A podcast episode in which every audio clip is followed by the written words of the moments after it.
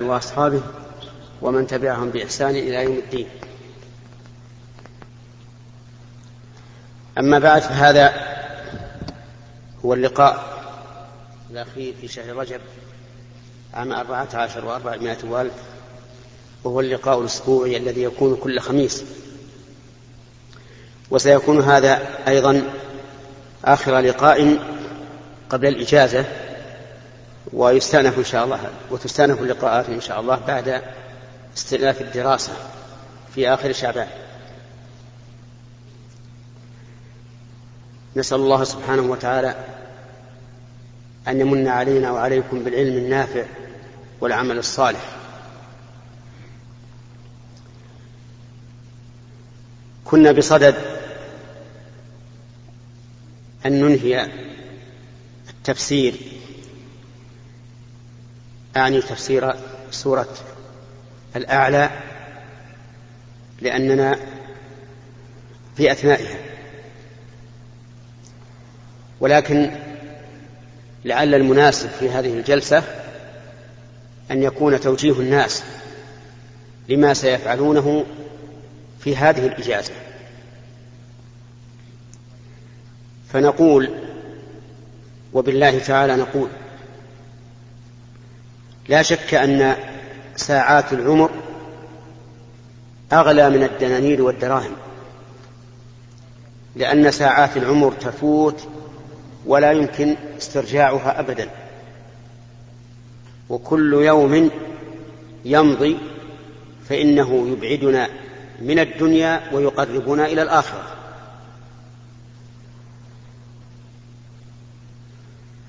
فتسير الأيام وتنقضي الساعات وتمضي السنوات وإذا بالإنسان تقدموا هنا يا أخوان وإذا بالإنسان ينتهي إلى الأجل المحتوم الذي قال الله تعالى عنه إذا جاء أجلهم فلا يستأخرون ساعة ولا يستقدمون. وإذا كان هذا منزلة العمر وساعات العمر فإن الواجب على العاقل فضلا عن المؤمن أن يستغل هذه الساعات بما خلق له أو فيما خلق له. والذي خلقنا له جميعا هو عبادة الله عز وجل. قال الله تعالى وما خلقت الجن والإنس إلا ليعبدون والعبادة اسم لكل ما يقرب إلى الله من قول أو عمل سواء كان عمل الجوارح الظاهرة أو عمل القلب وسواء كان قول اللسان الذي هو النطق أو قول القلب الذي هو الاعتقاد. كل ما يقرب إلى الله فهو عبادة. ونحن لا نريد والله تعالى أيضا لا يريد منا أن نبقى دائما في صلاة أو نبقى دائما محبوسين في المساجد للذكر والقراءة. بل إن النبي صلى الله عليه وعلى آله وسلم نهى عن العمل الدائم الدائب حيث بلغه أن قوما من أصحابه قال أحدهم أنا أصوم ولا أفطر وقال الثاني أنا أقوم ولا أنام وقال الثالث أنا لا أتزوج النساء. فخطب الناس وقال أما إني أصوم وأفطر وأصلي وأنام وأتزوج النساء فمن رغب عن سنتي فليس مني. وقال إن لربك عليك حقا ولنفسك عليك حقا ولأهلك عليك حقا ولزوجك لزائرك عليك حقا فأعطي كل ذي حق حقا. وعلى هذا فنقول إنه لا حرج على الإنسان أن يمتع نفسه بما أحل الله له حتى يذهب عنه السأم والملالة والتعب. لكن بشرط أن يكون فيما أحل الله له. وهذه الإجازة التي قررت للدارسين والمدرسين في أثناء العام ما هي إلا لهذا الغرض لدفع الملل والسآمة والتعب ولإعطاء النفس حظها مما أباح الله لها. وينقسم الناس في هذه الإجازة إلى أقسام. منهم من يستغلها بالسفر إلى بيت الله الحرام وإلى المدينة النبوية على ساكنها أفضل السلام والتحية. ومنهم من يستغلها بالسفر لزيارة الأقارب والأرحام. ومنهم من يستغلها للتجول في الدعوة إلى الله عز وجل وإرشاد الناس وتوجيه الناس. ومنهم من يستغلها للتفرغ في استعادة ما مضى من طلب العلم واستذكار ما نسي. ومنهم من يستغلها في مساعدة أبيه في بيع أو شراء أو حرث أو غير ذلك. ومنهم من يستغلها في الخروج إلى البر والتنزه على وجه يكون مباحا. ومنهم من يستغلها في الخروج إلى البر والتنزه لكن على وجه محرم. يمضون أوقاتهم إما في مشاهدة ما يعرض في التلفزيونات الوار... ال... التي تصدر أو التي ترد إلينا من الخارج إما كونهم قد صوروا في أشرطة الفيديو ما التقطوه منها أو يستصحبون معهم الدش حتى يتفرجوا هناك على ما يريدون. و و ولا شك أن هؤلاء خسروا الدنيا والآخرة. خسروا الدنيا لأنهم لم يعملوا في هذه المدة بما يرضي الله عز وجل. اللهم إلا في الفرائض التي لا بد منها كالصلاة والطهارة. وخسروا الآخرة لأن هذه المعاصي تكون سببا لتعذيبهم وعقوبتهم في الآخرة. وربما تتراكم المعاصي على القلب حتى يختم عليه والعياذ بالله. كما قال الله تبارك وتعالى إذا تتلى عليه آياتنا قال أساطير الأولين. يعني إذا تلي عليه القرآن قال هذه سواليف. أساطير الأولين. فقال الله تعالى كلا يعني ليس أساطير الأولين بل ران على قلوبهم ما كانوا يكسبون حتى لم يذوقوا طعم القرآن.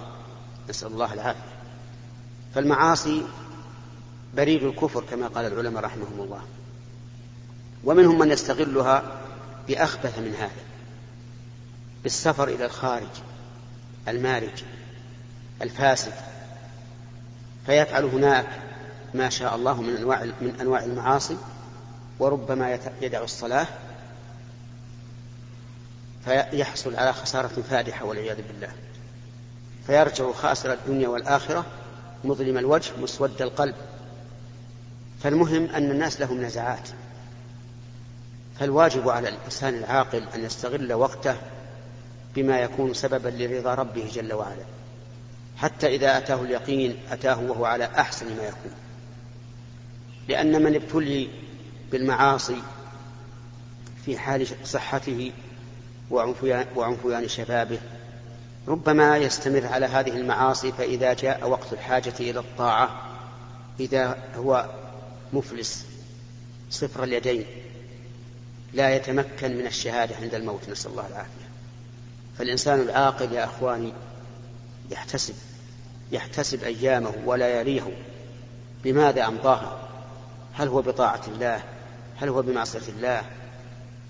إن كان بطاعة الله فليحمد الله على ذلك وليستمر عليه وليسأله الثبات إلى الموت وإن كان على خلاف ذلك فليستعتب فهو الآن في الإمكان. لكن حين يأتي يأتي الموت قد لا ينفع.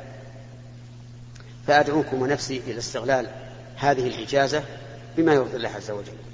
وقد عرفتم ما يسر الله لنا ذكر ذكره من الأشياء التي ينقسم الناس أو يتوزع الناس فيها في هذه الإجازة. فأحث نفسي وإياكم على استغلالها بما يرضي الله بعبادة الله بنفع الخلق بإعطاء النفس شيئا من المتعة على وجه مباح. وهكذا نسأل الله أن يجعلنا وإياكم ممن عمروا أوقاتهم بطاعة ربهم وأن يثبتنا على ذلك إلى الممات وأن يتولانا في الدنيا والآخرة. إنه على كل شيء قدير. ونأتي الآن إلى الأسئلة. فنبدأ باليمين كالعادة. ولكل واحد سؤال. سؤال لا يتفرع منه شيء. نعم. الحمد لله والصلاة والسلام على رسول الله. يا فضيلة الشيخ جزاكم الله خير. في حديث أبي هريرة في الصحيحين أن الرسول عليه الصلاة والسلام يقول من قتل نفسه بحديدة فحديدته في يده يجاء بها في بطنه في نار جهنم خالدا مخلدا فيها أبدا. ومن قتل نفسه بسم فسمه في يده يتحسأ في نار يتحسأه في نار جهنم خالدا مخلدا يتحسأه في نار جهنم خالدا مخلدا فيها أبدا. ومن تردى من جبل فقتل نفسه فهو يتردى في نار جهنم خالدا مخلدا فيها أبدا. ماذا يقصد بهذه الأبدية؟ هل هي أبدية قاتل نفسه في النار؟ وهل يلزم من هذا أنها ليست كبيرة من كبائر الذنوب وإن كان بكفره فهل يجوز الترحم عليه؟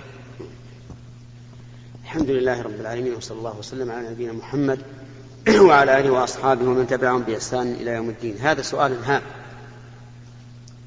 بل مهم هام مهم.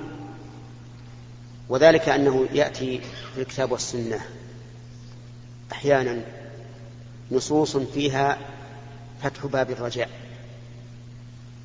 والأمل الواسع مثل أن تكون أعمال صالحة يرتب عليها تكفير السيئات يرتب عليها دخول الجنة وما أشبه ذلك. فيفرح الإنسان ويستبشر ويقول إذا لا تضرني معصية ما دام هذا العمل اليسير يكفر السيئات أو أدخل به الجنة فالأعمل ما شاء ما شئت من المعاصي. وتأتي أحيانا النصوص فيها وعيد شديد على بعض المعاصي أو بعض الكبائر بل هي كبائر في الواقع ولكنها لا تخرج من الإسلام. فتجد الرجل يستحسر ويتوقف ويقول ما هذا. ولذلك انقسم أهل القبلة يعني المسلمين الذين ينتسبون الإسلام انقسموا في هذه النصوص إلى ثلاثة أقسام. قسم غلب جانب نصوص الرجاء. وقال لا تضر مع الإسلام معصية. وهؤلاء هم المرجئة. يغلبون جانب الرجاء على جانب الخوف. ويقولون أنت مؤمن اعمل ما شئت. لا يضرك مع الإيمان معصية. وطائفة أخرى غلبوا نصوص التخويف والزجر. وقالوا إن فاعل الكبائر مخلد في نار جهنم أبدا. ولو كان مؤمنا ولو كان يصلي ويزكي ويصوم ويحج. وهؤلاء هم الوعيدية من المعتزلة والخوارج. قالوا الإنسان إذا فعل كبيرة كقتل نفسه مثلا أو قتل نفس غيره أو زنى أو سرق فهو خالد مخلد في نار جهنم. وكل هؤلاء جانبوا الصواب لا الأولون ولا هؤلاء. وأهل السنة والجماعة وسط. قالوا نأخذ بالنصوص كلها لأن الشريعة شريعة واحدة صادرة من واحد هو الله عز وجل إما في كتابه أو على لسان رسوله صلى الله عليه وآله وسلم. فإذا كان الأمر كذلك فإنه يكمل بعضها بعضا ويقيد بعضها بعضا ويخصص بعضها بعضا. يعني يأتي نص عام يأتي نص عام. ونص خاص يجب أن نحمل العام على الخاص ونخصصه به. ويأتي نص مطلق ونص مقيد. يجب أن نحمل المطلق على المقيد لأن الشريعة واحدة والمشرع واحد. فإذا كان كذلك فلا يمكن أن نأخذ بجانب دون الآخر. وبناء على هذا يسلم الإنسان من إشكالات كثيرة. فيقال إنه ورد في الحديث ورد في القرآن أن من قتل مؤمنا متعمدا فجزاؤه جهنم خالدا فيها وغضب الله عليه ولعنه وأعد له عذابا عظيما. هذه خمس عقوبات. جزاؤه جهنم خالدا فيها وغضب الله عليه ولعنه وأعد له عذابا عظيما. عندما تقرأ هذه الآية تقول إن قاتلا مؤمن عمدا مخلد في النار ولا يمكن يخرج منها. لأن الله قال ولعنه وغضب عليه. غضب الله غضب الله عليه ولعنه. ومن لعنه الله معناه طرده وأبعده عن رحمته. وهذا يقتضي أن لا يمكن أن يخرج من النار إلى الجنة. وكذلك ما أشار إليه السائل في من قتل نفسه أنه خالد مخلدا أبدا صرح بالتأبيد. وهذا يقتضي أن لا يخرج منها لأن هذا خبر من الرسول عليه الصلاة والسلام وخبر الرسول صدق ولا يمكن أن يعتريه الكذب ولا يمكن أن يتخل أن يتخلف مدلوله. ولهذا نقول هذه الأشياء تكون سببا. قتل النفس سبب للخلود المؤبد في نار جهنم كما قال الرسول عليه الصلاة والسلام. ولكن هناك مانع يمنع من الخلود دل عليه دلت عليه النصوص وهو أن الإنسان إذا كان معه شيء من الإيمان ولو أدنى أدنى أدنى مثقال من إيمان فإنه لا يخلد في النار لا يخلد في النار. فنحمل هذه النصوص على هذه النصوص. ونقول هذه جاءت هكذا عامة يعني نصوص الوعيد من أجل التنفير من هذا العمل والهروب منه. ولكن ليس هناك خلود مؤبد إلا للكافرين. هذا وجه الوجه الثاني أن بعض العلماء يقول هذه النصوص على ظاهرها. وذلك أنه قد يصاب الذي يقتل نفسه بالانسلاخ من الإيمان فيكون حين قتل نفسه غير مؤمن غير مؤمن. وإذا كان غير مؤمن فهو إيش؟ كافر خالف النار. لأنه مثلا إذا نحر نفسه لأي سبب؟ لا بد أن يكون لسبب. إن كان مجنونا فلا شيء عليه ما في إشكال. وإن كان عاقلا فلا بد أن يكون سبب. السبب هو أنه يستريح منها من الضائقة التي التي ألمت به. ومن زعم أنه إذا قتل نفسه نجا من الضائقة التي ألمت به ألمت به فقد أنكر البعث. وأنكر عقوبة الآخرة. وإذا أنكر البعث وعقوبة الآخرة صار بذلك كافرا فيكون مستحقا للخلود المؤبد في النار. لأنه ليس من المعقول أن شخصا يعدم نفسه إلا نعم يعدم نفسه فيستريح مما هو فيه إلا لظنه أنه ينتقل إلى ما هو أريح له. ولا يمكن أن يكون أريح له وقد قتل نفسه فيكون هذا شاكا ومترددا أو جاحدا لعذاب الآخرة وبذلك يكون كافرا. وعلى كل حال المهم أنه يجب أن نعلم أن الكتاب والسنة صدرت من عند الله وحده منها ما هو من كلامه جل وعلا كالقرآن ومنها ما هو من كلام رسوله عليه الصلاة والسلام وأن بعضها يقيد بعضا ويخصص بعضا ولا تناقض فيها. نعم. نعم. الترحم عليه نعم نترحم عليه نقول اللهم اغفر له اللهم ارحمه. لأنه ليس ليس بكافر نعم. بسم الله الرحمن الرحيم. أولا يا شيخنا أسأل الله العلي العظيم أن يمد في عمرك على طاعته. وإياكم جميعا. نرجو منك إعراب هذا الحديث بارك الله فيك. لا يقبل الله صلاة أحدكم إذا أحدث حتى يتوضأ. آه. طيب. إعرابه لا, لا نافي ويقبل فعل مضارع مرفوع وعلى رفعه ضمة ظاهرة في آخره. والاسم الكريم الله فاعل يقبل. وصلاة مفعول يقبل. وصلاة مضاف وأحد مضاف إليه. وأحد مضاف والكاف مضاف إليه. والميم علامة الجمع. وإذا ظرف للزمان. وأحدث فعل ماضي مبني على الفتح والفاعل مستتر جوازا تقديره هو وحتى حرف غاية ويتوضأ فعل مضارع منصوب بأن مضمرة بعد حتى وفاعله مستتر جوازا تقديره هو. هذا إعراب الحديث. أما معناه فهو أن الله تعالى لا يقبل الصلاة إذا الصلاة من الإنسان إذا أحدث حدثا أصغر أو أكبر أو أصغر فقط؟ أصغر أو أكبر؟ لا أصغر أصغر. لقوله حتى يتوضأ ولو كان أكبر لقال حتى يغتسل. لا يقبل الله صلاة الإنسان إذا أحدث حتى يتوضأ. وظاهر الحديث أنه لا فرق بين الناس والجاهل والذاكر والعالم. فلو أن الإنسان أحدث ثم صلى ناسا أنه أحدث وجب عليه أن يتوضأ ويريد الصلاة.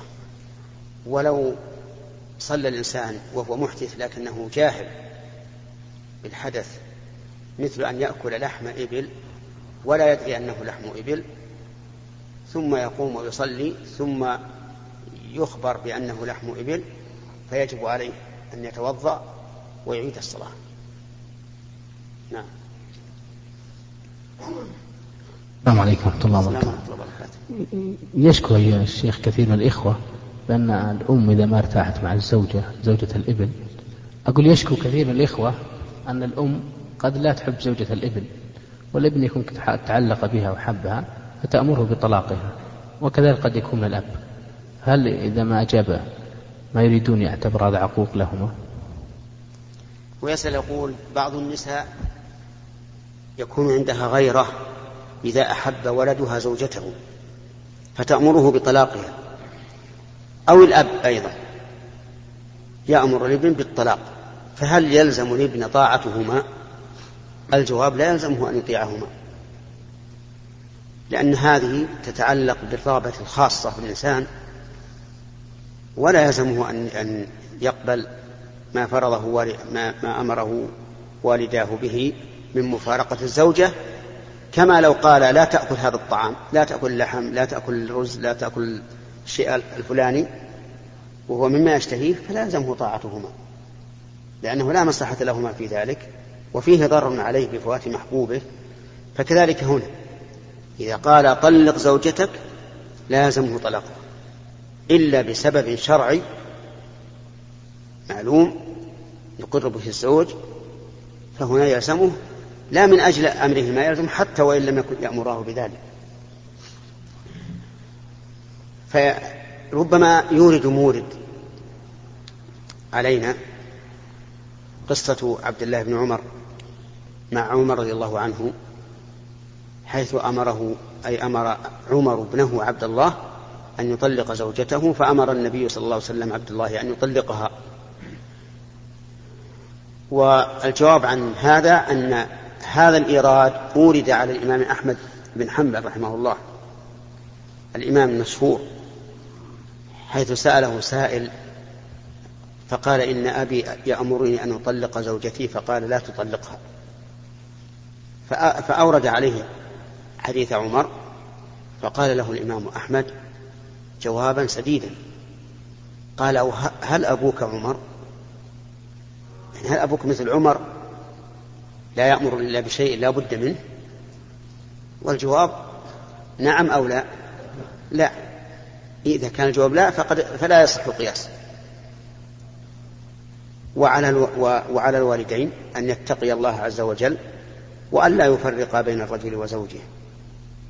فيكون فيكونان مثل السحرة الذين يتعلمون من الشياطين ما يفرقون به بين المرء وزوجه. ولكن في مثل هذه الحال إذا رأى الابن أنها لا تستقيم الحال إذا كان في, في بيت واحد. يعني قد تتعب الزوجة من الأم في البيت الواحد. ففي هذا الحال يخرج من البيت هو وزوجته وينفردان عن عن الأم.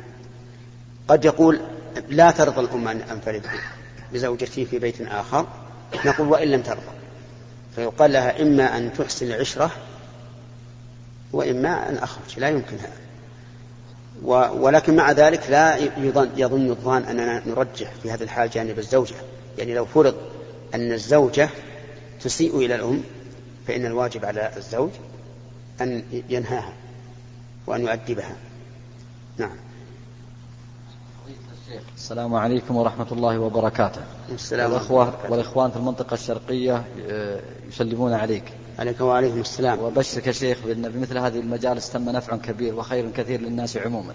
نسأل الله عز وجل أن يم أن يجزيك عنا وعن المسلمين خير الجزاء. نسأل الله وسؤالي هو أنه يوجد في بعض مناطق أعمال الشركات نقاط تفتيش يستخدم فيها الكلاب المدربة فتدخل في مقدمة السيارة اللي هي الغمارة.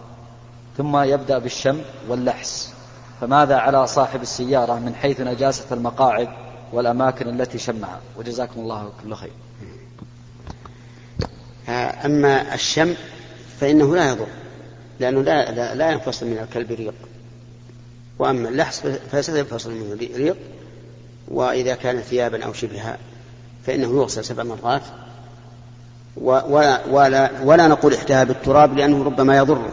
لكن نقول يستعمل عن التراب صابون أو شبه من المزيل ويكفي.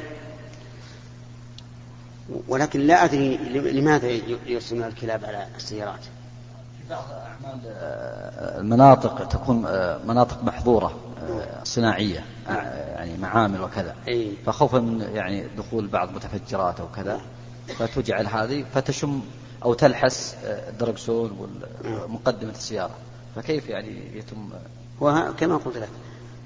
ولو حصل في مثل هذا ان اللي يعتاد الدخول إنه يجعل بلاستيك يلفه على علشان إذا انتهى انتهت العملية يلقي هذا البلاستيك.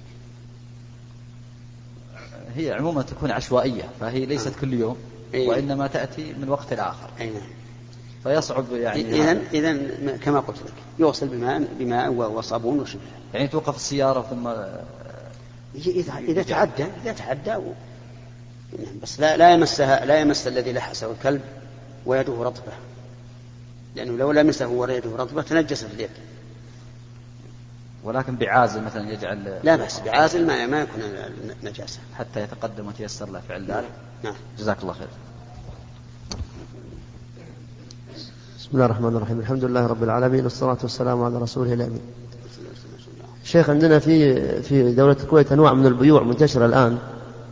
يقوم التاجر بعرض بضاعة ويجعل هناك أساليب مغرية ل يعني شراء هذه البضاعة. فيوزع كوبونات لسحب على جائزة مقدمة من هذا التاجر. ولكل شخص كوبون على حسب قيمة الشراء التي يشتريها. إذا يشتري بعشرة يأخذ كوبون عشرة دنانير كوبون. عشرين دينار كوبونين ألف دينار مئة كوبون وهكذا وكل مشتري يأخذ كوبون ثم تسحب قرعة بعد فترة والجائز. والذي والذي يخرج اسمه يفوز بالجائزة والذي ما فاز ما فاز ما ياخذ ما ياخذ الجائزة فما أدري ما حكم هذا النوع من البيع جزاك الله خير نعم. هذا النوع من البيوع نخاطب به البائع والمشتري البائع نقول هل أنت ترفع السعر سعر السلعة من أجل هذه الجائزة أو لا؟ إن كان يرفع السعر فإنه لا يجوز. لأنه إذا رفع السعر واشترى الناس منه صاروا إما غارمين وإما غانمين. يعني إما رابحين أو خسرانين. مثلا هذه السلعة في السوق تساوي عشرة. هو جعلها باثني عشر من أجل الجائزة. هذا لا يجوز. لأن المشتري باثني عشر إما أن يخسر الزائد على العشرة وإما أن يربح أضعاف مضاعفة فيكون هذا من باب الميسر والقمار المحرم. هذا هذه واحدة. فإذا قال البائع أنا أبيع للناس لا أزيد ولا أنقص. نتجه الآن إلى المشتري. نقول هل أنت اشتريت هذه السلعة لحاجتك إليها؟ وأنك مشتريها سواء كان فيها جائزة أم لا أم أنك اشتريتها من أجل الجائزة فقط؟ إن قال الأول قلنا لا بأس. تشتري من هذا أو من هذا لأنك الآن ما دام السعر مثل ما دام السعر مثل السوق وأنت مشتري لحاجة فأنت إما غانم وإما سالم ولا في شيء. وأما إذا قال لا أنا أشتري لعل لا أريد السلع وليس لي فيها غرض. من فضلك لكن أشتري لعلي أحصل على الجائزة. قلنا هذا من إضاعة المال.